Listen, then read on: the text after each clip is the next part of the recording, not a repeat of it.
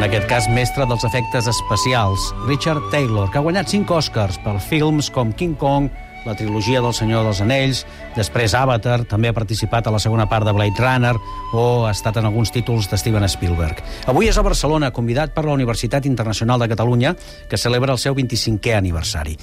I no només és aquí a Barcelona, sinó que és amb nosaltres. Richard Taylor, benvingut a Catalunya Ràdio. Thank you. It's very lovely to be Moltes here. We never imagined aquí. when we visited six years Quan ago fa sis anys vam venir a Barcelona de visita, no teníem ni idea que hi tornaríem. És molt especial ser a aquesta universitat fent la xerrada i, evidentment, parlant amb tu. Magnífic, doncs està molt bé que hagi tornat. Eh? Ens acompanya també el nostre expert en cinema, el Marc Garriga. Marc, bona nit. Bona nit.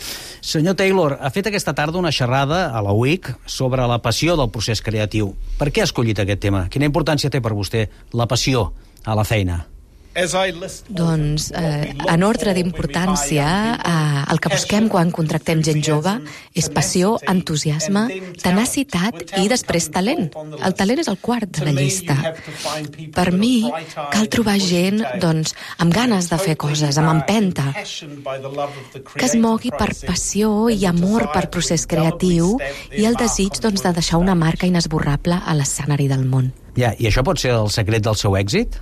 Uh, well, it makes up for Bé, lack of talent. ah, maybe. evidentment, això compensa uh, la manca de talent, potser. Jo sempre he, he, sentit passió pel que faig. Tinc moltes ganes de uh, posar-me a treballar end matins. Eh, I, No uh, m'agrada que s'acabi el dia. Temo eh, els caps de setmana perquè he aconseguit convertir doncs, la meva afició en una feina. I quan vaig a treballar, doncs, treballo amb els meus amics que tenen la mateixa passió que jo pel que fem. I, I no hi ha res millor que això. Mm. Marc, Sí, segur que, que una altra clau del seu èxit és haver treballat tots aquests anys a casa seva, a Wellington, a Nova Zelanda, on ha mantingut la base de la seva empresa, sempre al costat de la seva dona, la Tania Roger, i contractant artistes locals per fer una feina que després doncs, ha fet la volta al món. Doncs sí, eh, la nostra ubicació és un component molt especial del lloc on treballem i jo, de fet, afirmaria que si no hagués pogut doncs, desenvolupar la meva carrera a Wellington, Nova Zelanda, probablement no em dedicaria al que em dedico. eh, l'empresa, la, la seva empresa es diu Waiter Workshop i després de tants anys ha abraçat l'era l'era digital? Doncs, clar, jo tinc un taller de- d'efectes always pràctics, efectes especials, i per tant sempre hem defensat aquesta perspectiva, aquesta aproximació física a la feina.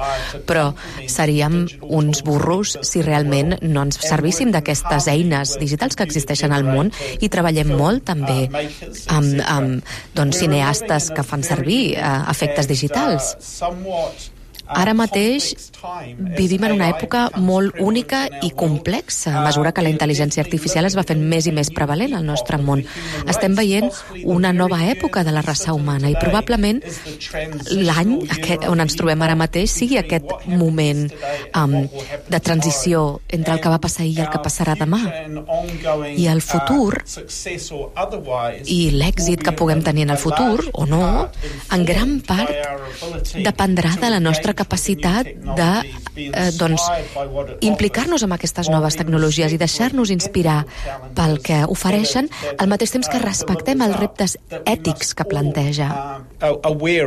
Que- que n'hem de ser molt conscients. I hem de tenir molt present de no fer mal als altres en l'ús d'aquesta nova tecnologia. Eh, És evident que la intel·ligència artificial ja s'està fent servir arreu, en moltes pel·lícules, també en el cinema. N'hi ha que abusen dels efectes digitals, jo crec. Eh, existeixen els romàntics, com jo, que encara reclamem els efectes artesans, els de fa anys, que per mi incentivaven molt més la imaginació dels artistes eh, que no pas ara. Eh, vostè va començar amb films com Brain Dead, Tu madre se ha comido mi perro, de Peter Jackson, que disposava aleshores d'un pressupost molt reduït i on va posar en pràctica solucions que m'imagino que després doncs, va fer servir en pel·lícules amb, amb més diners. Però és saludable haver fet tot aquest procés? És És una pregunta interessant, perquè Com passa amb tot, hi ha una progressió com a part de l'evolució de l'estètica, de la narrativa, de la connexió amb el públic. Tot això demana un viatge cultural doncs, d'aquesta artesania al llarg del temps. Jo crec que l'artesania acaba sent doncs, una mica aquestes eh, pedres de toc que defineixen el viatge cultural en un país. I aquestes senyals les podem traçar, ens podem remuntar en la història, perquè defineixen singularment el viatge de cada país. I en el nostre cas crec també que són els pobles indígenes de Nova Zelanda que han aportat tota aquesta um, estètica del disseny a Nova Zelanda. I aquestes són les senyals que han definit la història del nostre país. Exactament de la mateixa manera que Barcelona o Espanya té doncs, aquestes eh, marques de carretera eh, extraordinàries creades doncs, a través de l'artesania i l'art dels mm, practicants de cada art específica. Hmm. Eh, senyor Taylor, podem veure perfectament com traspua passió eh, en tot el que diu i en tot el que fa. El poso una mica a prova si li demano que escolli una feina concreta de la qual n'estigui especialment orgullós. Se'n pot escollir una? Yes, I, I, I can. Um, to Sí que puc, not sí. No expressar orgull en la pròpia feina crec que és doncs, no respectar la gent amb qui treballes. No és uh, arrogant sentir un gran orgull pel que fas, perquè el que fas és manifestar l'apreci del que ha costat aconseguir-ho, les negociacions i les restriccions a les que has fet front. A mi la gent em diu, ah, és que tu el que vols és la perfecció. No, el que busquem no és la perfecció, però sí que busquem l'excel·lència, perquè la perfecció en un entorn comercial és un objectiu inabastable i un objectiu absolutament arrogant, perquè et farà que et quedis sense diners i sense temps. Però el desig de ser els millors que puguem ser en aquest món té una importància crítica per nosaltres. Pel que fa doncs, als, punts, als aspectes més destacables de la nostra carrera, si penso en un únic personatge, a l'altre del Senyor dels Anells, l'Urukai que mara, mata Boromir. Amb aquest personatge, gràcies a la combinació doncs, del disseny, de les pròtesis, de la disfressa i de l'actor Lawrence McQuarrie, vam aconseguir arribar, acostar-nos tant com vam poder a la combinació adequada de components que generen un personatge plausible i veraç. En què es fonamenta la relació tan especial que tenen amb, amb Peter Jackson, un creador que va començar en el cinema de terror de sèrie B, però que després ha acabat creant films que han liderat la taquilla, els premis de Hollywood i el reconeixement mundial? Well, we started off. Uh, Peter Bé, saw our work on en Peter va veure la nostra feina a la televisió. Crec que no es podia creure que hi hagués més gent a Nova Zelanda fent exactament el mateix que ell. Ell encara vivia doncs, a, a Nova Zelanda fent doncs, la seva primera pel·lícula, Bad Taste, eh, doncs, al soterrani de casa seva, els caps de setmana, gairebé doncs, ell tot sol, sense ajuda. I crec que és fàcil doncs, menysprear les, les primeres pel·lícules d'en Peter com a horror cutre, però si les estudies amb cura, com és evident que tu has fet, són unes um, peces cinematogràfiques extraordinàriament intel·ligent. Ell sabia que a través del mitjà del cinema de terror de baix pressupost podria tenir accés doncs, a festivals de culte, trobar fans i produir alguna cosa que arribés al seu públic. Però, evidentment, dins de la seva ment creativa hi havia doncs, les pel·lícules extraordinàries que acabaria fent, Criatures Celestials, crec, n'és l'exemple més gran d'aquesta transició.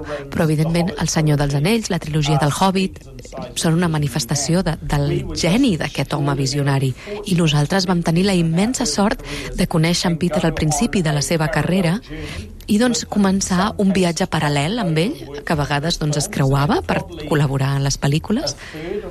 I crec que un terç de la nostra carrera ens l'hem passat treballant en pel·lícules d'en Peter Jackson. I el reconeixement de la nostra empresa no hauria estat tan potent si no haguéssim tingut eh, aquest paper tan important, en alguns casos, a la creació de, de l'obra doncs, d'algunes coses com El Senyor dels Anells i El Hobbit. Mm. Eh, Però vostè també ha treballat amb altres directors, tots ells molt destacats, Spielberg, Villeneuve, Cameron. Què els diferencia? Every director Cada director és únic en la seva perspectiva i aproximació al mitjà. I la imatge que jo sempre tinc al cap d'un director és la d'una persona asseguda en el punt, el nus de la càmera, entre el que veu la càmera i el que la càmera grava. I la capacitat del director de coreografiar la visió doncs, d'aquest doncs, grup de creadors que té al darrere i filtrar la informació que en última instància es compartirà amb un públic global. Això és molt complex, és una cosa molt concreta i específica, però cada director porta doncs, les seves habilitats i capacitats úniques.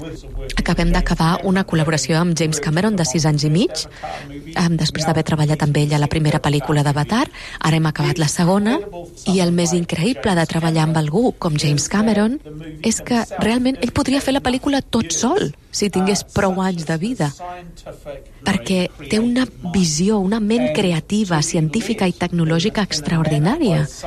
I deixar-se guiar, en certa manera, per algú tan específic, però alhora tan obert a la col·laboració, és una cosa extraordinària. Hm. Eh, Avatar és la pel·lícula més taquillera de la història i la segona part hi va al darrere. Podríem dir que aquest és el futur de, del cinema? A veure, per què anem al cinema? Doncs anem a veure pel·lícules per establir una relació amb els personatges que hi ha a la pantalla, independentment de l'entorn en què es moguin aquests personatges. Una relació que no puguem tenir a la nostra vida quotidiana. I si doncs, reconeixem que ara la fantasia i la ciència-ficció estan rebent un reconeixement equivalents a pel·lícules així més artístiques i és només perquè aquesta combinació de narrativa, tècnica cinematogràfica i artelaní, ofici cinematogràfic, interpel·len a l'audiència, interpel·len doncs, al públic. I això és sempre el que busquem. Tant si són pel·lícules de molt pressupost, a gran escala, totalment visionàries, o qualsevol doncs, pel·lículeta de monstres de, de baix pressupost. Per nosaltres això és irrellevant.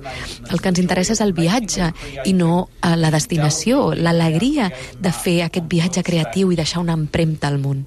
Doncs senyor Richard Taylor, han fet viatge junts avui. Eh? Moltes gràcies, sobretot per transmetre'ns aquesta passió a l'hora de treballar que vostè tant defensa. Good night to Barcelona. Thank you, and it's a joy to be in your beautiful city again. Molt bé. Doncs, i gràcies, Marc, també. I gràcies també a la Marta Armengol per la traducció. Marta. Moltes gràcies.